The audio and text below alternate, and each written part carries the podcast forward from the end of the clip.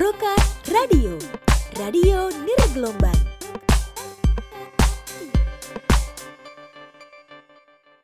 Yeay, Roket Radio, radio nirgelombang yang bisa kamu dengarkan kapan pun, di mana pun. Hai Sobat Performatifku, apa kabar nih? Semoga kamu selalu sehat, selalu bahagia ya dalam situasi adaptasi kebiasaan baru. Sekarang namanya udah bukan new normal ya. Kita harus berani beradaptasi dan buat kamu semua semoga selalu penuh dengan jiwa-jiwa hati yang selalu positif.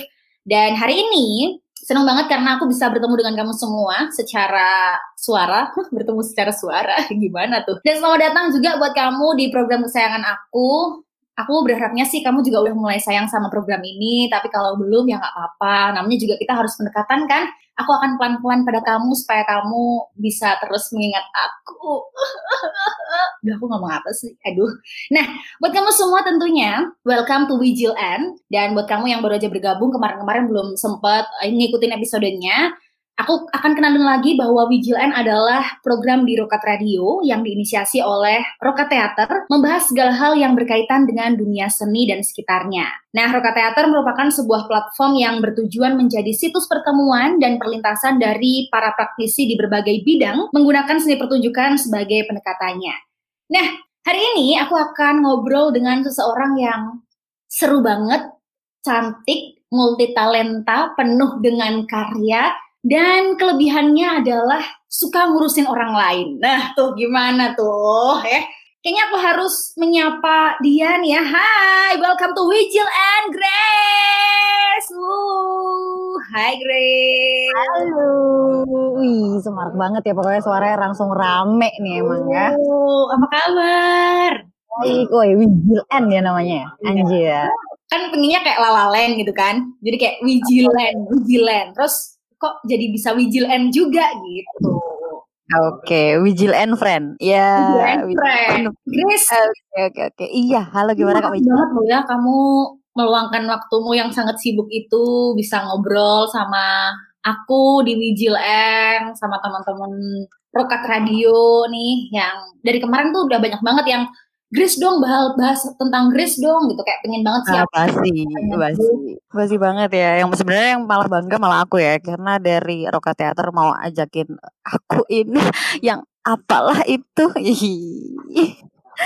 Nggak cuma sekedar apalah itu kalau anda ya. Mohon mohon. Bergaya merendah gitu ya anaknya emang ya. Buat buat kamu nih yang mungkin ada yang pastinya udah ada yang belum kenal sama Grace gitu atau memang udah sangat tahu sama Grace aku sedikit akan bacakan soal Grace sedikit ya. Jadi Grace ini eh, sudah mendalami wilayah kerja media jurnalis komunikasi dan juga menjadi MC di banyak event juga menangani wilayah publikasi, media partner, kemudian berbagai event pemerintah di Jogja secara di event lokal dan juga nasional. Dan dia adalah founder dari G Art Management. Wow. Uh. Ini nggak kamu kenapa bisa di usia yang muda belia, tapi kamu bisa keren banget kayak gini tuh gimana? Waduh, Kak Wijil ngaca dong sama kita Kak. Wih, asik. Kalau anak muda mah jawaban bijaknya adalah this is my passion, asik. Ngeri banget. Pokoknya passionnya kalau seni, seni itu kan idealis ya kan. Begitu Hmm. masuk di wilayah manajemen realistis. Ya pokoknya dikawinkan lah itu idealis realistis ya. Pokoknya gitu. Aku mungkin sedikit cerita ya. Eh, aku kenal Grace tuh juga udah cukup lama sebenarnya ya. Sudah beberapa tahun yang lalu. Waktu kita masih menjadi apa ya? Protozoa kayaknya ya. Dulu tuh aku mengenal Grace adalah seorang anak Hmm. muda yang meluangkan waktu untuk mengumpulkan poster-poster event. Ya nggak sih? Sebenarnya bukan lebih ke mengumpulkan poster-poster event sih. Cuman karena aku kayak update aja sama event seni, Mm-mm. terus and then emang aku senang di sana dan aku ngerasa kayak aku mau berbagi gitu Mm. aja sih. Jadi berbagi informasi. Makanya waktu itu mungkin kan Kak Wijil taunya ini apa namanya poster-posternya mungkin adanya di Instagram aku pertama Mm. secara pribadi Mm-mm. gitu.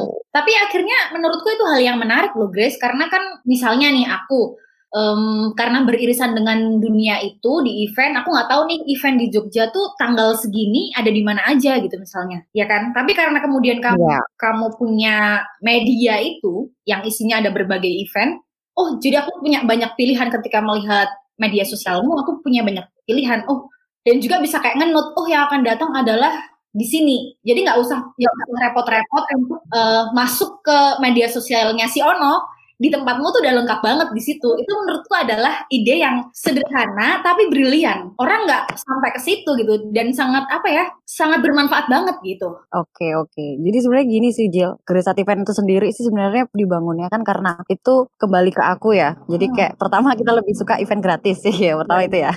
Terus yang kedua emang wilayahnya kita senang misalnya event seni kan gitu. Hmm. Nah yang ketiga adalah yang update. Jadi kan males banget nih kalau misalnya ngecekin poster udah ada yang selesai tapi masih ada di atas terus yang udah yang yang masih jalan itu di bawah istilahnya karena waktunya ada yang lebih panjang dan ada yang lebih pendek. Hmm. Nah akhirnya di situ kayak kalau misalnya kan dari profil yang istilahnya pertama tadi kan update-nya di profil aku tuh event ya aku ngikutin yang aku suka gitu loh. Jadi kayak itu tuh gallery yang kamu bisa ngecek and then kayak oh sebulan ini tuh acaranya ini aja ya. Jadi kayak kamu nggak bakal ribet-ribet ngecekin tanggalnya lagi. Itu adalah event-event yang masih tetap berjalan gitu. Nah, itu tuh. Itu tuh yang aku yang aku suka surprise banget dan kenapa kemudian aku juga mengidolakan kamu karena kamu bisa mengambil celah-celah itu, cuy. Tapi nih aku tanya, ketika kamu membuat media sosial di Grace App itu, Mm-hmm. Kamu apakah udah bayangan bahwa kamu akan menjadi founder di sebuah art management? Waktu itu udah kepikiran belum? Belum, sama sekali belum. Sebenarnya malah bicara soal kepikiran bikin kayak semacam akun buzzer Grace Event aja tuh belum sama sekali. Jadi itu tuh kayak apa ya? Sambil berjalan waktu kita kan akan nemuin problemnya ya. Jadi kayak waktu itu tuh problemnya adalah uh, pada saat aku nge-share Grace APP di Instagram aku pribadi, terus kalau misalnya aku nge-share ini selfie ya yang nge-like itu akun-akun media lain. Hmm. wah rasanya kan nggak nyaman tuh di situ akhirnya. Dari situ terus aku ngerasa bahwa ini akan lebih tepat pada saat akan diintensitaskan lebih maka harus punya akun sendiri. Jadi tidak terus di poster ini ada di akun pribadiku gitu. Tapi waktu itu memang pengkhususannya kamu uh, hanya untuk teman-teman mahasiswa, event-event mahasiswa atau ya sebenarnya aku lebih mengkhususkannya istilahnya kan sekarang udah ada admin yang pegang ya. Istilahnya poin utamanya itu adalah event Jogja gratis mahasiswa. Dan kalaupun berbayar itu komunitas atau charity. Nah hmm, gitu tuh. jadi emang memang di situ kamu emang juga udah ada pengkhususannya ya. Emang ini nih yang mau aku mau aku naikin yang ini nih Iya, karena kan si bazar event ini sendiri kan tidak, aku adalah tidak kerana profit. Mm-hmm. Jadi memang maksudnya di inten, memang intensitasnya adalah pengumpulan massa segmented gitu loh, segmented ya followersnya nggak banyak gitu loh, tapi memang dia orang-orang ya pekerja event seni, teman-teman yang pengen volunteeran, dapat pengalaman atau datang ke ruang-ruang seni. Jadi buat kamu yang mungkin sekarang kenal Grace-nya adalah sebagai seorang uh, kreator event ya, jadi berangkatnya memang dari dari hal yang sederhana dulu ya, dari kemudian punya ruang untuk ngumpulin poster-poster, akhirnya berkembang sampai ke hari ini. Nah, kalau kamu kemudian kepikiran bikin art management itu kenapa? Oke, jadi kalau misalnya aku jawab yang pertama dulu ya soal media. Jadi kenapa istilahnya aku waktu itu sempat intens di media? Karena beberapa seniman punya talenta yang bagus, punya skill yang bagus, konsep yang keren, tapi kedekatan mereka pada wilayah media masa tuh uh, enggak gitu loh, jauh dia dengan media. Akhirnya kan kurang tersampaikan gitu secara brandingnya. Nah makanya terus kayak aku lebih ke sana akhirnya. Jadi kayak lebih ke ada problem apa, kita coba cari solusinya. Nah, soal bicara soal tim tadi, kenapa akhirnya dibuat? Karena bicara soal art management sendiri itu kan terbatas di Jogja. Hmm. Hmm. Ya memang intensnya di sana gitu. Nah, terus ya karena ada istilahnya apa ya? Ada pasar dalam artian uh, Grace kalau aku bikin pameran ini bisa nggak? Oh bisa, ya Grace bikin pameran ini bisa nggak? Nah akhirnya intensitas itu sih yang akhirnya aku ngerasa bahwa oh oke okay deh kita tambah yuk timnya. Misalnya kayak awal kan one stop project gitu loh yang satu event selesai udah. Tim misalnya kayak aku butuh siapa nih? Oh aku panggil Wijil panggil si A panggil si B. Oke kita event. Selesai selesai udah bubar. Kayak gitu. Sampai akhirnya aku ngerasa bahwa uh, kebutuhan untuk membangun intensitas pengenalan akan tim itu penting akhirnya dibentuklah sebuah tim begitu. Tapi mungkin um, teman-teman nih, teman-teman dari Rokat Radio maupun Wijil N, ada yang kurang bisa memetakan ini Grace Grace event atau grup MC gitu kan, atau Grace anak tata kelola atau apa sih perjalanan kamu dari awal banget. Oke, wow panjang dong itu. Jadi gini sebenarnya pertama kalau bicara eh, poinku secara pribadi gitu, aku adalah orang yang bahagia gitu di wilayah manajemen dan SDM. Jadi bekerja sama dengan banyak orang. Lalu kait manajemen adalah pembuatan mekanisme atau suatu sistem atau solusi dalam suatu problem. Jadi kayak ada problem apa, oke kita coba bikin solusinya. Sebenarnya aku lebih fokus kepada sana. Nah, terus kalau bicara soal MC nih, nah MC itu buatku adalah salah satu cara eh, belajar berkomunikasi se- secara lapangan, otodidak. Karena memang aku kan bukan dari eh, HI atau komunikasi gitu Hmm. dan nggak bohong gitu kalau misalnya eh, sebuah mata kuliah yang berpusat ke sana tuh ada mata kuliahnya tuh presentasi dan itu buatku belum menjadikan kita mahir berkomunikasi. Nah akhirnya memang MC adalah salah satu cara untuk eh, bagaimana kamu berkomunikasi dengan orang yang dua, tiga, lima gitu, 10 sampai 20, 100 ya. Itu sih. Nah MC di situ. Kalau wilayah yang lain, aku lebih nampilin di bioku tuh art manager dan markom. Sebenarnya dua itu sih yang aku tampilin. Ini Iya. yang menarik adalah Grace itu aku memandangnya punya punya semangat, punya kemauan, dan yang paling penting adalah punya ilmunya. Ya nggak sih? Sedih banget cu. Heeh, Kadang ada orang yang punya ilmunya, tapi dia nggak bisa eksekusi. Ada Oke. orang punya semangat untuk mengerjakannya, tapi mungkin dulu dia nggak dari latar belakang ilmu yang linier sama pekerjaannya. Nah, si gadis ini, si Grace ini yang kurang ajar ini, dia dapat ilmunya, dia bisa eksekusinya, kan kurang ajar tuh. Kesel gue. Ya kan, akhirnya, akhirnya waktu kemudian kamu eh, mempelajari itu, kamu kuliah di bidang itu, terus kamu mas memasukkannya di kerjaanmu tuh hal yang sama atau malah beda banget sebenarnya?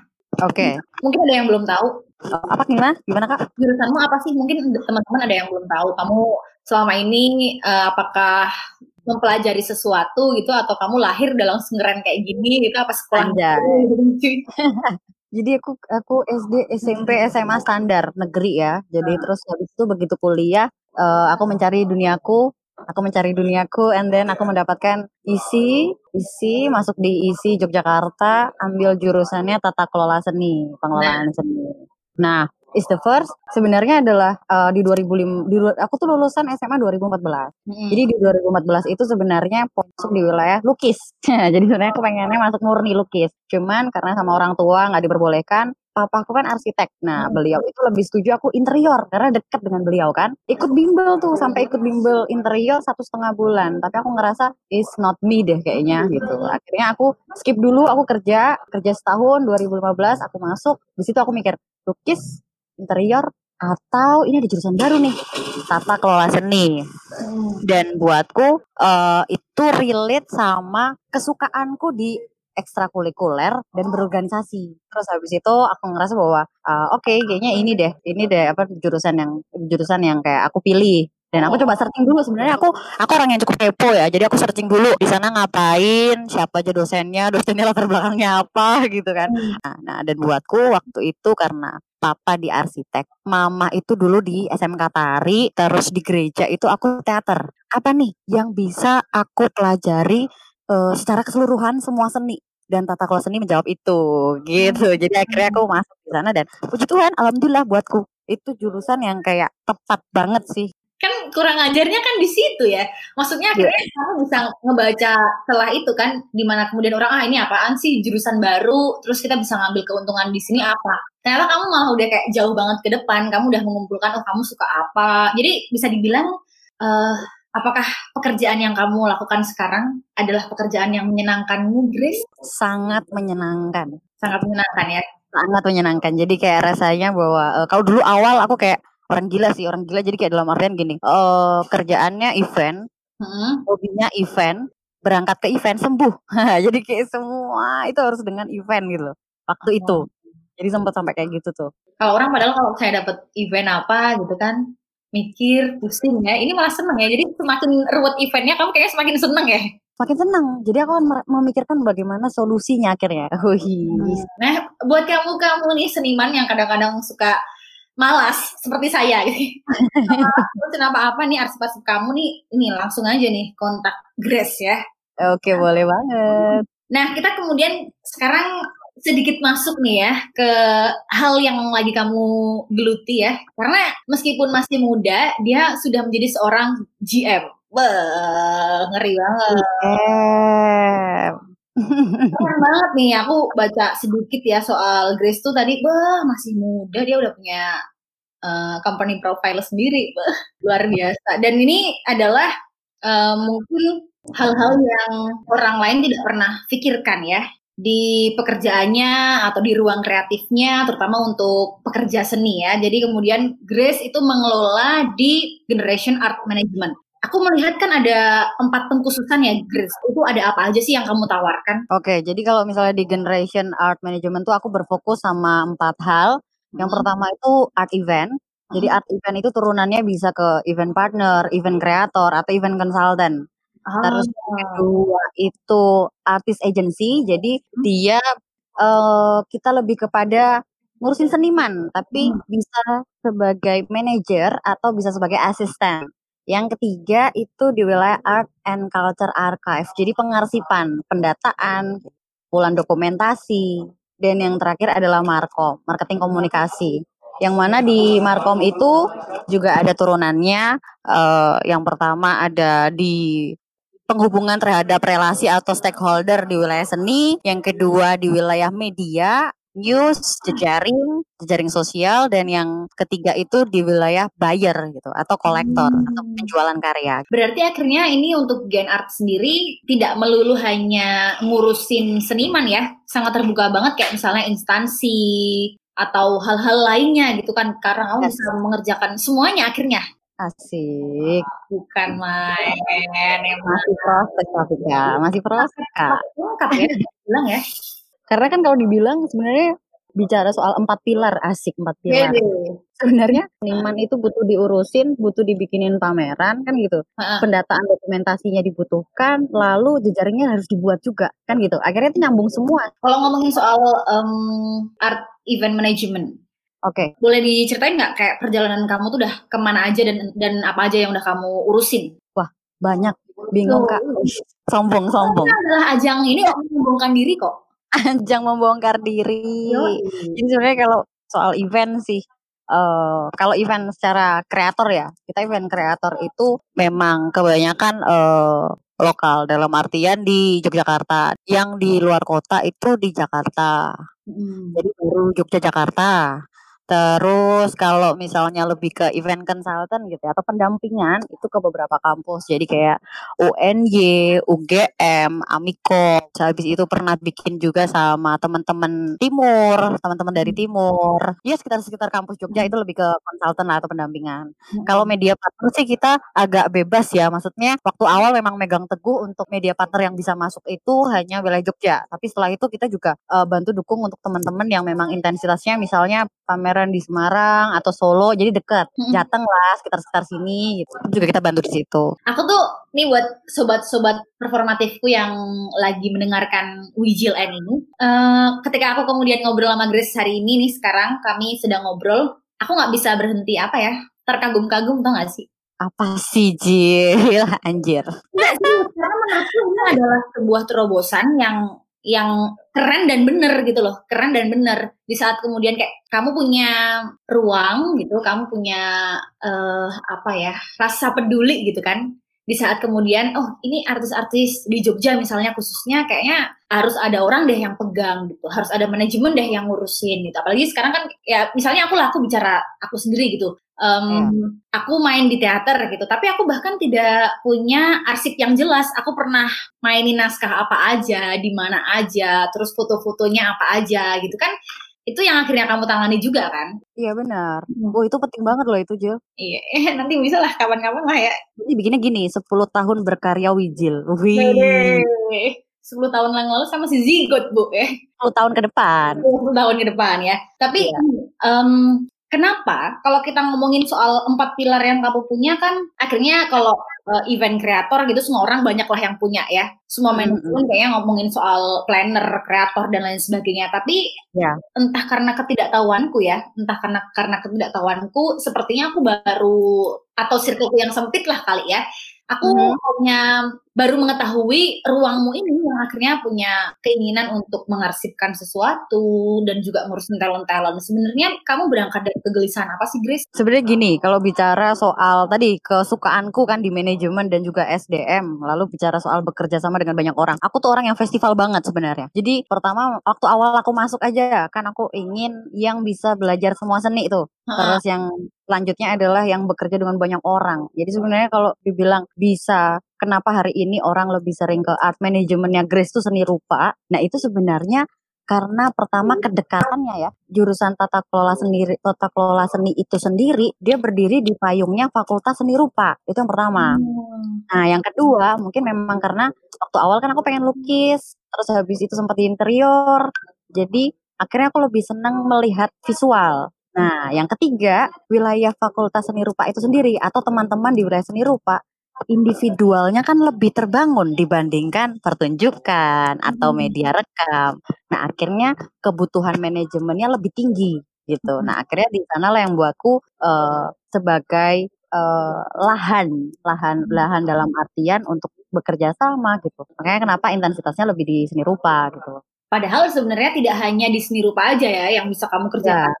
Yes. Dan maksudku karena misalnya kalau aku di Markom gitu kan, aku juga pernah markomin eh, beberapa pentas teater kan gitu sama eh, acara musik, musik musik se ASEAN juga. gitu. Jadi kayak eh, lintasannya sebenarnya cukup besar di sana. Cuman untuk event kreator sendiri cenderungnya lebih ke eh, pameran pameran gitu loh, pameran seni rupa. Tapi kan nggak dipungkiri Jil, kalau bicara soal pameran ada performnya kan gitu ya Iya. ada performnya, lalu di situ bicara ada musik, ada pementasan, lalu ada dokumentasinya. Berarti akhirnya ngomongin foto, ngomongin video. Jadi buatku semua saling keterkaitan sih. Keren banget nih anak muda ini ya Tuhan. Saya penasaran Anda makannya apa sih? Sama nggak sih sama saya? Nasi yang. Nasi aking. Anda kalau yang pinter ya sobat formatifku makanlah nasi aking nih ya. Jangan parah.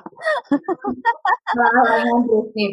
Iya sih ya kalau maksudnya kan gini akhirnya kalau misalnya eh, kita ngomongin seniman gitu. Oh, kayak seniman sih kae ngono kan. Wis pameran nang kene mana? Lima tahun yang lalu mana? Ada nggak itunya kan arsipnya? Kadang-kadang Oke. Nggak ada gitu. Akhirnya inilah seniman, wahai seniman-seniman muda, tua, kamu harus segera menghubungi Grace gitu. Karena ini penting banget, luar biasa. Tapi ini, eh, Iya.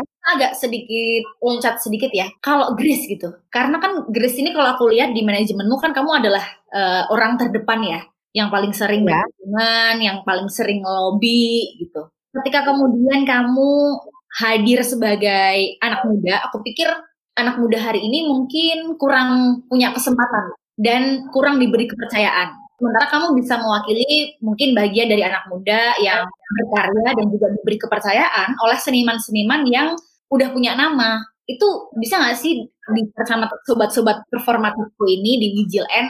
Gimana caranya? Oke. Is the first ya gini. Waktu aku lulus SMA itu aku kerja dulu di radio. Mm. Nah pada saat aku kerja di radio di situlah, jadi aku paham siapa yang aku temui, terus ada berbagai macam usia dan ada pembicara sama penyiar gitu kan kayak aku tuh cuman bisa ini deh ngobrol sama anak muda, aku bisa ngobrol sama orang tua, aku bisa ngobrol sama anak kecil, ada yang kayak gitu-gitu. Mm. Nah aku merasa bahwa eh, kenapa buatku, aku makanya sampai sekarang tuh masih bingung untuk merumuskannya. Secara komunikasi eh bisa untuk melebur di semua segmen usia gitu loh. Itu yang pertama. Nah, yang kedua, karena tadi pemahamanku soal SDM ya, di situ buatku poin paling susah itu adalah mempelajari manusia itu sendiri. Ah. Istilah gitu. Nah, apalagi kalau misalnya balik gini, kita mempelajari diri kita sendiri. Sebenarnya lebih ke situ sih. Jadi seberapa besar Wijil mengenal Wijil. Hei. Jadi maksud gini, pada saat kamu sudah mengenal dirimu sendiri, gitu, kamu akan paham bahwa di mana sih posisiku, apa sih yang aku suka, bagaimana hal yang aku lakukan hari ini, aku lakukan terus menerus selama 5 hingga 10 tahun, apakah aku bisa bertahan? Nah, akhirnya itu yang itu akhirnya yang jadi hal yang eh, perenungan kita pribadi. Yang akhirnya kita nentuin mau yang mana nih. Nah, begitu kita udah pilih sesuatu dan kita mau konsisten di sana, itu sih yang buatku kamu jadi punya nilai positioning di hadapan siapa pun.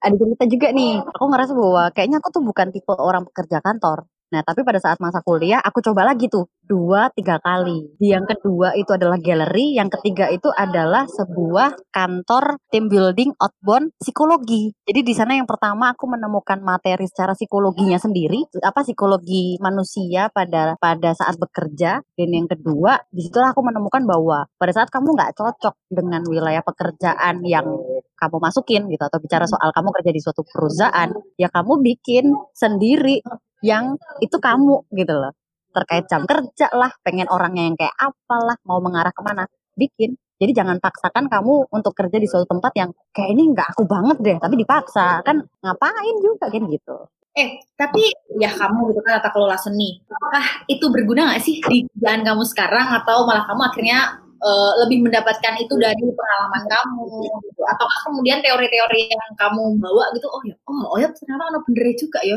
Kui teoriku suka Pak dosen ini ono ya ning kene ya. Tapi gitu nggak sih, Gris? Oke, ini tak jawab dengan wilayah begini.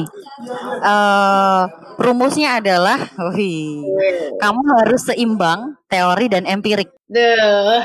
Jadi kamu punya teori, teorimu kuat nih, tapi kamu nggak punya empirik. Nanti di lapangan, dobos berarti kowe ora ngerti kowe piye piye dadine piye. Dobos ning donya iki ya. Oh. Itu yang pertama. Nah, yang kedua, kamu punya empirik yang tinggi, pengalaman yang banyak, tapi kamu nggak punya teori mau diskusi, mau ikut FGD, mau diskus dengan siapa pun, kamu nggak akan punya bagan yang kuat karena kamu nggak punya teori gitu. Jadi buatku kayak kampus akan sangat bermanfaat juga gitu sebagai pondasi uh, awal. Nah tergantung istilah gini ya, kamu dikasih dikasih uang lima ribu, akhirnya lima ribu ini mau kamu kemanain? Itu aja sih. Jadi kalau dibilang kampus hari ini misalnya semua orang mungkin banyak ya mahasiswa nyatat kampusnya itu biasa lah gitu kan. Hmm. Tapi kembali lagi bahwa seberapa bisa kamu memanfaatkan tadi 5000 doang tadi itu kan gitu. Hmm, jadi memang ya alhamdulillah bermanfaat ya Cik ya. Ya, lumayan. bermanfaat lah ya. Kalau pelajarin Tapi ini yang yang ingin tanyakan ya, yang menarik adalah kenapa kemudian ini manajemen kamu, Gen Art ini kamu bernama Generation Art Management. Kenapa nggak event organizer sih? Apakah itu pola yang hmm. sama ataukah ada yang berbeda gitu? Mas nggak sih cerita gitu sedikit aja kalau boleh. Oke okay, oke. Okay. Uh, sebenarnya kalau di beberapa teman-teman IO. Mereka udah udah ada banyak yang mm, emosi ya dalam artian emosi itu sampai ngajak debat. Karena ngajak debat. Ngajak debat gara-gara aku yang enggak ah enggak io io ah enggak io enggak aku enggak io kayak gitu loh kan. ada masalah apa anda ini sebenarnya? Akhirnya bahwa aku mengerti bahwa nah uh, itu hanya perspektif orang gitu. Hmm. Jadi kenapa istilahnya aku lebih sering bicara art management karena akan berbeda perspektifnya kalau orang bilang IO gitu. Nah, sebenarnya bicara IO kan dia event organizer. Nah, hmm. itu kan kata kerja yang sebenarnya juga masuk gitu loh di art management. Nah, akhirnya cuma cuma kepada perspektif orang sih, keterbiasaan orang sih gitu. Dan buatku ada positioning lebih pada saat kamu bilang art management dibandingkan event organizer kan gitu. Dan belum banyak juga kan yang pakai kayak gitu kan. Jadi menurutku bisa dibilang Gres ini adalah pion anak muda yang terdepan gitu. Asik terdepan. Keren. Sebentar dia terdepan di, di kamera nih. Oh iya iya. Nah, buat kamu semua nih, sobat performatifku, um, seperti yang kita ketahui lah ya, sekarang kan kita emang sedang bersama-sama untuk melawan sesuatu yang nggak kelihatan ya di pandemi ini dari pandemi COVID-19 terus punya nama new normal sekarang punya nama adaptasi kebiasaan baru gitu kan dan itu kemudian menyerang berbagai sektor, apalagi di pengelolaan seni, art management. Nah, kalau di Grace sendiri gitu, apa sih yang kamu rasakan sebelum dan juga sesudah sebagai seorang pelaku tata kelola seni ini? Pelaku pengelolaan seni lebih tepatnya. Oke, jadi kalau bicara soal pandemi sendiri ya, itu buatku sih suatu ujian bersama sama bersama-sama. Jadi kalau dibilang kayak lebih berat siapa nggak ada yang bisa bilang kayak gitu ya karena semua orang ngerasain hal yang sama. Nah, tapi memang paling kerasa sih di industri kreatif karena kita paling akhir dalam artian yeah. kita kebutuhan sekunder. Iya. bukan kebutuhan primer. Nah, yang paling aku lakukan itu pertama jelas yang kerasa adalah wilayah pekerjaan. Karena kan orang bicara soal work from home ya. Nah, buat kita yang kebutuhan koordinasi, buatku sorry nih agak kasar, bullshit sih gitu loh. Work from home. Mm-mm. Karena akhirnya kebutuhan koordinasi akan berkurang, komunikasinya terbatas gitu. Beda dengan orang yang memang secara skillnya misalnya dia editor, dia desainer, bisa work from home. Tapi untuk orang-orang yang di wilayah pekerjaan butuh koordinasi dan komunikasi, apalagi pertemuan intens ataupun meeting itu sangat berasa banget sih gitu. Jadi memang yang kerasa adalah di wilayah timnya. Jadi kalau boleh cerita sedikit itu dari eh 2016, 17, 18 itu timku kayak eh, satu, dua, tiga, yang lainnya as a freelance kan gitu ya, Hmm. cabatan one stop project. Ya di 2018 ke 19 itu bertahap, di 2019 itu goals 20, 20 orang timku. Oh. Terus tapi dengan proses ya, dengan proses Hmm. 2019 itu selama setahun dari yang eh apa ya? Ada wilayahnya kayak kalau selo ikut, mhm, Oh. mencari pengalaman, Hmm. eh dikira as a komunitas bukan Hmm. sebuah organisasi atau memang beberapa dengan attitude yang jelek juga ada gitu lah. Jujur aja gitu loh bahwa itu Hmm. dialami semua manajemen ya mungkin. Hmm. Akhirnya di 2019 akhir itu timku lima orang. And then di situ aku tuh orang yang tidak ingin menjadikan eh rekan kerjaku multitasking, multifungsi. Aku nggak pengen kayak gitu. Kan bukannya enak satu orang bisa ngerjain banyak, Grace. Iya, tapi kan akhirnya gini, dia nggak punya skill khusus. Yang pertama, yang kedua, begitu dia membagi tugas, akhirnya dia merasa bisa menjadikan semua pekerjaan itu 100%, padahal enggak. Jadinya 20%, 20%, 20%. Kualitasnya turun. Makanya setelah itu di 2009 di 2019 akhir menuju ke 2020 itu aku prepare tim itu 14 orang. Jadi akhirnya 14 orang, 14 orang kita masih proses dari pengenalan eh, profile apa company profilnya, sistemnya seperti apa, mekanismenya bagaimana, terus workshop, workshop dan lain-lain sebagainya. Begitu mendekati pandemi, tas semua balik kampung, komunikasinya sulit, beberapa akhirnya memang tidak mampu menjaga eh, intensitas. Di situ yang aku ngerasain banget sih dari SDM sih, itu kerasa banget. Hmm, Jadi emang pertama yang diserang emang timnya dulu ya. Akhirnya yang tadinya misalnya kayak, wah ayo bahas iki ketemu satu patunan, nanti udah di kehilangan momen itu ya akhirnya ya. Ya, dan kayak beberapa konsep misalnya. Jujur nih, waktu eh, Jogja belum rame virtual exhibition, aku tuh bikin konsep virtual exhibition. Dan pas pada saat aku share ke grup, nggak ada komunikasi, nggak ada nggak ada apa ya feedback dari mereka. Terus ya aku juga akhirnya down juga gitu loh, karena kita kan butuh kita kan butuh energi ya dari Iya, manusia-manusia yang lain gitu. Dan begitu nggak ketemu tapi komunikasi juga hilang, itu kerasa banget. Nah akhirnya udah aku rekrutmen ulang, and then sekarang timku tiga orang dari 14 tiga orang sekarang. Tapi tiga orang itu kan malah justru yang akhirnya saling menguatkan kan? Itu yang paling penting sih menurutku. Banget. kualitasnya kalau kuantitasnya terus banyak gitu tapi tidak berkualitas ya wassalamualaikum warahmatullahi wabarakatuh. Ya kan akhirnya kan kayak gitu. Malah memberatkan Iya. kan ini menarik kamu membuat pameran secara virtual. Dan kemarin kan kemarin kan eh, aku juga sempet apa namanya sedikit lah memberikan apa testimoni gitu ya tentang sketsa yang sketsa itu kan yang terbaru ya. Yes, betul banget itu pameran di awal pandemi tuh. itu Di awal new normal, new normal deh. oh, new normal itu masih new normal ya waktu itu Yang new normal. Nah, kamu kemudian ketika berdiskusi itu kan kamu akhirnya di bawah bendera Gen Art ya, Gen Art yang Mm. mengelola. Gimana kemudian kamu memberikan eh, apa ya pengertian kepada yang mau pameran senimannya gitu bahwa ini bisa sukses kok, ini bisa berhasil dan kita harus pameran secara virtual itu gimana? Jadi sebelum sebenarnya sebelum langkah ke sana itu, yang tadi kan aku sempat cerita tuh bahwa permasalahan pertama di pandemi kan dari SDM. Heeh. Yang kedua itu adalah event. Nah, event itu kan memang bener-bener bilang tuh. Di situ aku kepikiran untuk nge-share as a profilku pribadi untuk menawarkan diri sebagai virtual assistant. Oh. Nah, pada saat aku nge-share itu untuk jadi virtual assistant, jadi kayak ke beberapa seniman established, ada ke beberapa profesor, kurator gitu kan dan dosen. Nah, adalah di situ feedback-feedback yang masuk dan salah satunya adalah pameran kemarin ini.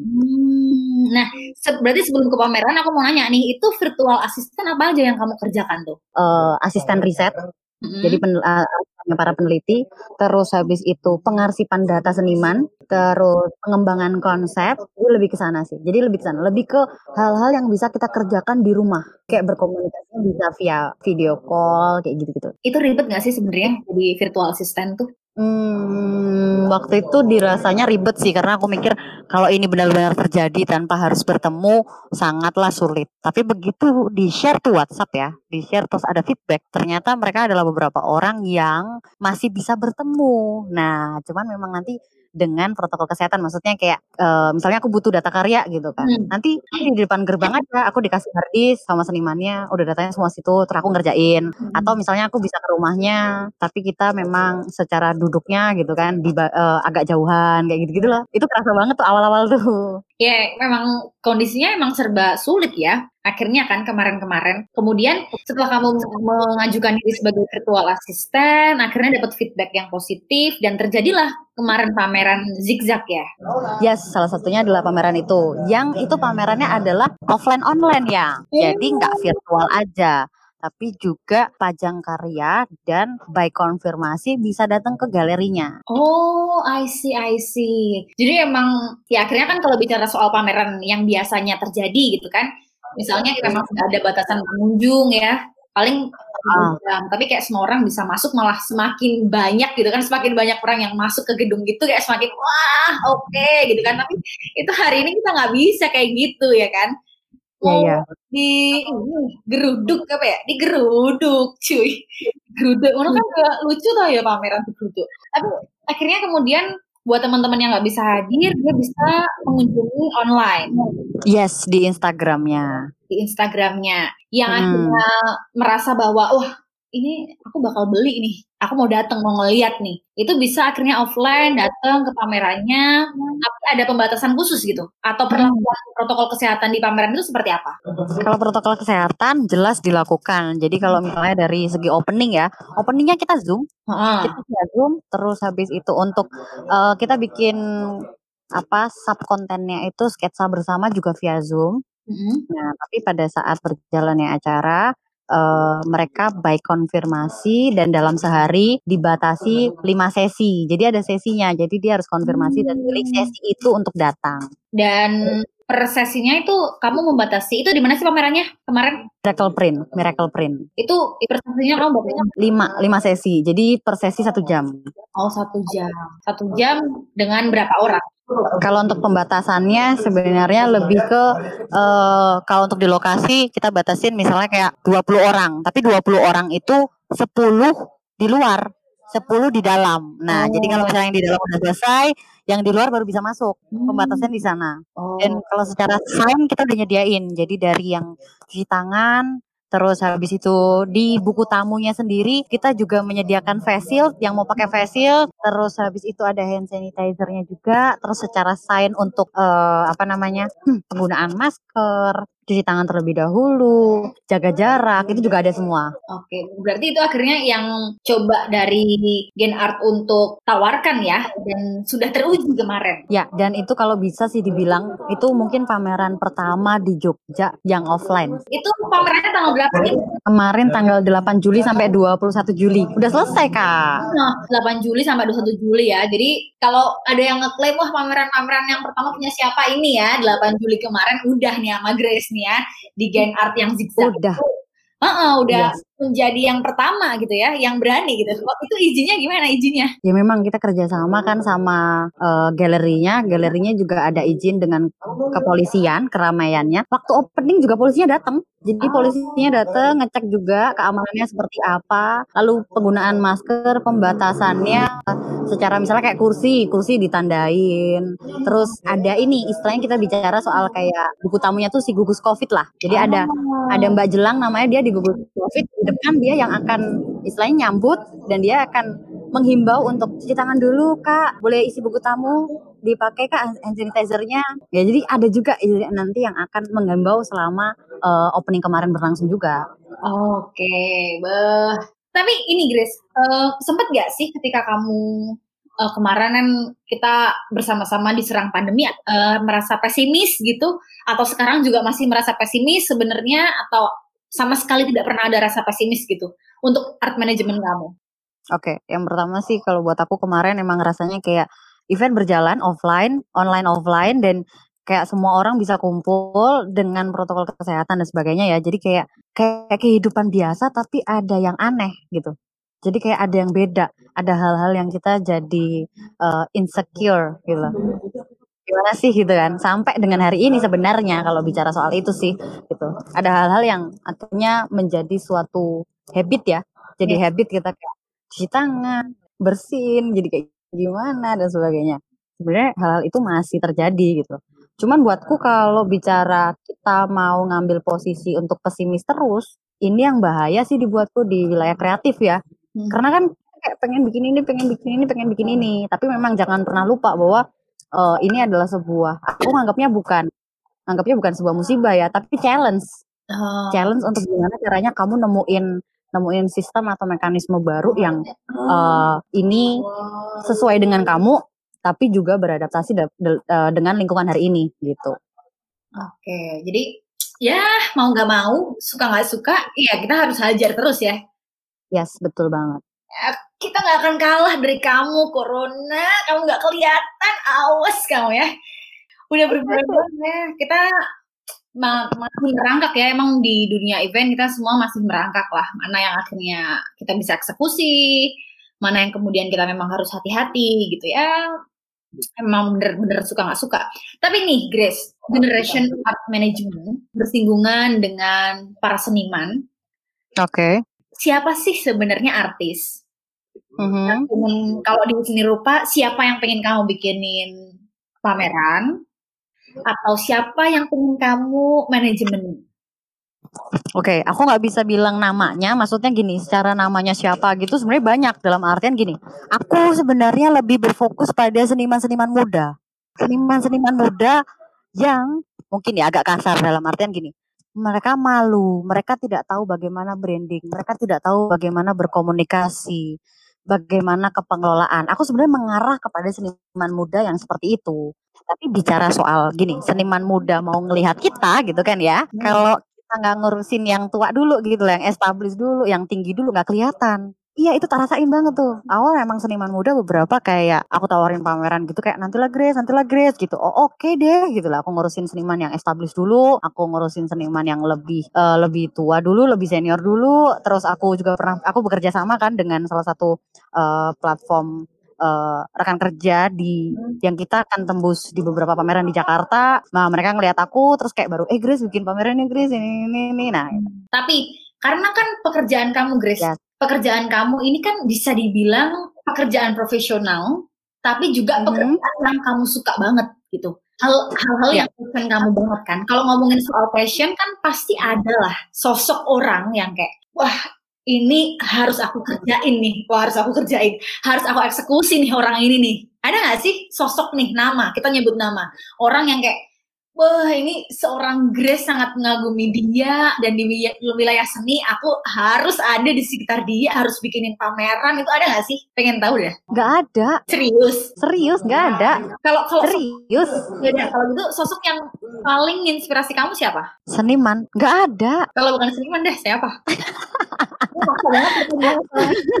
susah pertanyaanmu gini maksudku yang kalau aku tuh orangnya uh, gini apa ya kenapa mungkin ya kalau kamu misalnya nanya ya kenapa aku bisa masuk ke semua baik yang muda baik yang tua baik yang established ataupun yang masih berproses buatku adalah kita datang dengan sama-sama memiliki positioning Oke. Okay.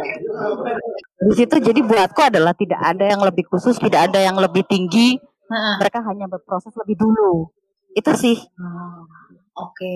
Nah, sebenarnya yang kalau kamu tanyain soal image building ya, itu ah. tahun ini. Tahun ini yang sebenarnya jadi peganganku. Jadi ada dua pameran di Jakarta, dua pameran di Jakarta yang bersama dengan rekan kerja, rekan kerja uh, partnershipku dan ada satu pameran di Galeri Nasional. Nah, ini oh. sebenarnya hal yang sangat aku nantikan di tahun ini jadi uh, puncakku gitu loh sebenarnya. Oh, jadi kamu malah lebih ke momen ya, berarti hal yang kamu tunggu-tunggu ini gitu adalah momen, oh ini aku pengen momen yang ini nih yang aku pegang gitu ya. Tapi ini ngomongin sedikit tadi, kenapa Oke. aku punya pertanyaan itu gitu ya? Karena kalau aku aku sendiri gitu ya, eh, di wilayah teater misalnya, di wilayah teater kayak wah aku pengen banget main gitu sama siapa? Christine Hakim gitu atau siapa gitu lah.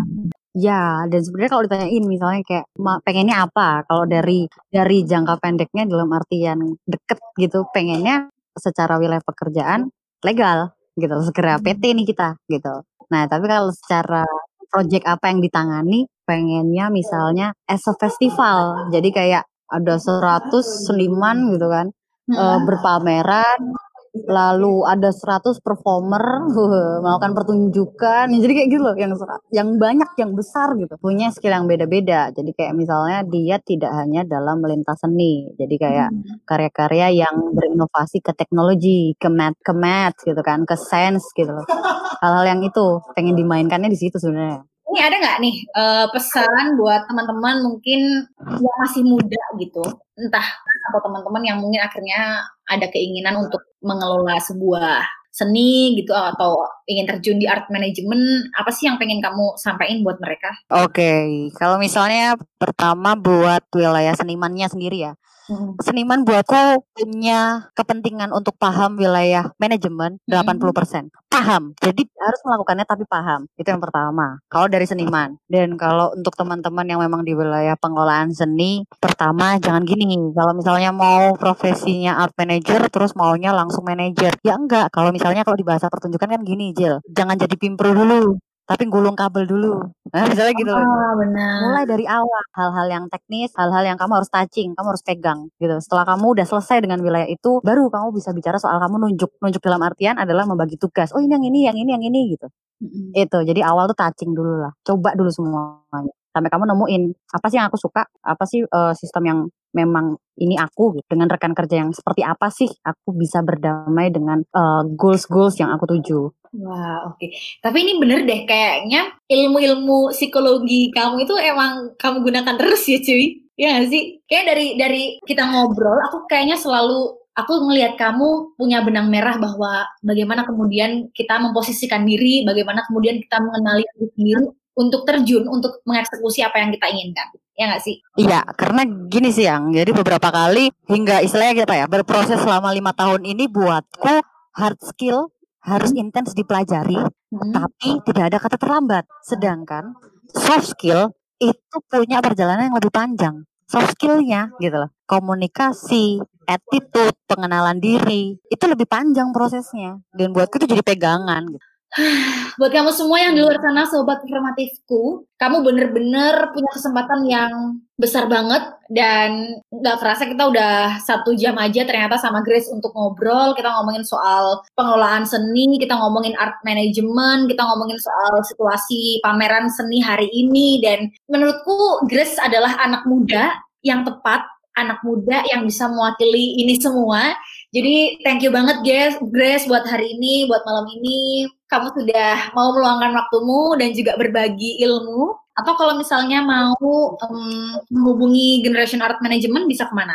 Bisa bisa sebenarnya langsung ke Grace dot art event kalau untuk media partnernya atau teman-teman memang mau eh, ngobrolin soal art manajemennya juga bisa langsung ke aku sih. Kalau di Grace art event itu juga ada eh, adminnya. Dan buatku adalah aku sangat-sangat terbuka dengan orang yang mau belajar. Jadi nggak apa-apa. Jadi mau tanya apa, mau apa, feel free deh buatku. Benar ya. Karena tentunya rumah Grace juga yang di sana jauh sana itu terbuka lebar ya. Aku juga belum sempet Grace main ke tempatmu. Sorry karena kita masih situasi Dan buat teman-teman yang Iya. eh, belum tahu bahwa untuk Rokat Radio ini kita secara virtual juga, jadi aku sama Grace juga tidak di ruang yang sama, tidak di lokasi yang sama, walaupun kami sama-sama di Jogja, tapi untuk menghormati juga protokol kesehatan kita, untuk mengikuti protokol kesehatan kita juga akhirnya akhirnya kami di ruang yang berbeda gitu ya. Ya benar. Oke Grace, thank you banget untuk waktunya. Semoga makin sukses kamu bersama dengan Generation Amin, amin, amin. makin melesat. Jangan lupakan kami kami inilah seniman-seniman muda yang ada di Jogja ya. Oke Grace, Oke, Kak Wijil, thank you banget Theater. bye semuanya. Bye, thank you. Oke sobat informatifku, buat kamu semua ter- Oke, sobat formatifku, terima kasih buat kamu yang udah mendengarkan podcast aku sama Grace hari ini. Dan buat kamu penasaran kan episode ke depannya kita bakal sama siapa? Jadi terus ikutin dan juga jangan lupa follow Rokat Theater dan ikuti postingan-postingan kami selanjutnya. Aku Mijilan, thank you, bye-bye. Rokat Radio, radio nirgelombang.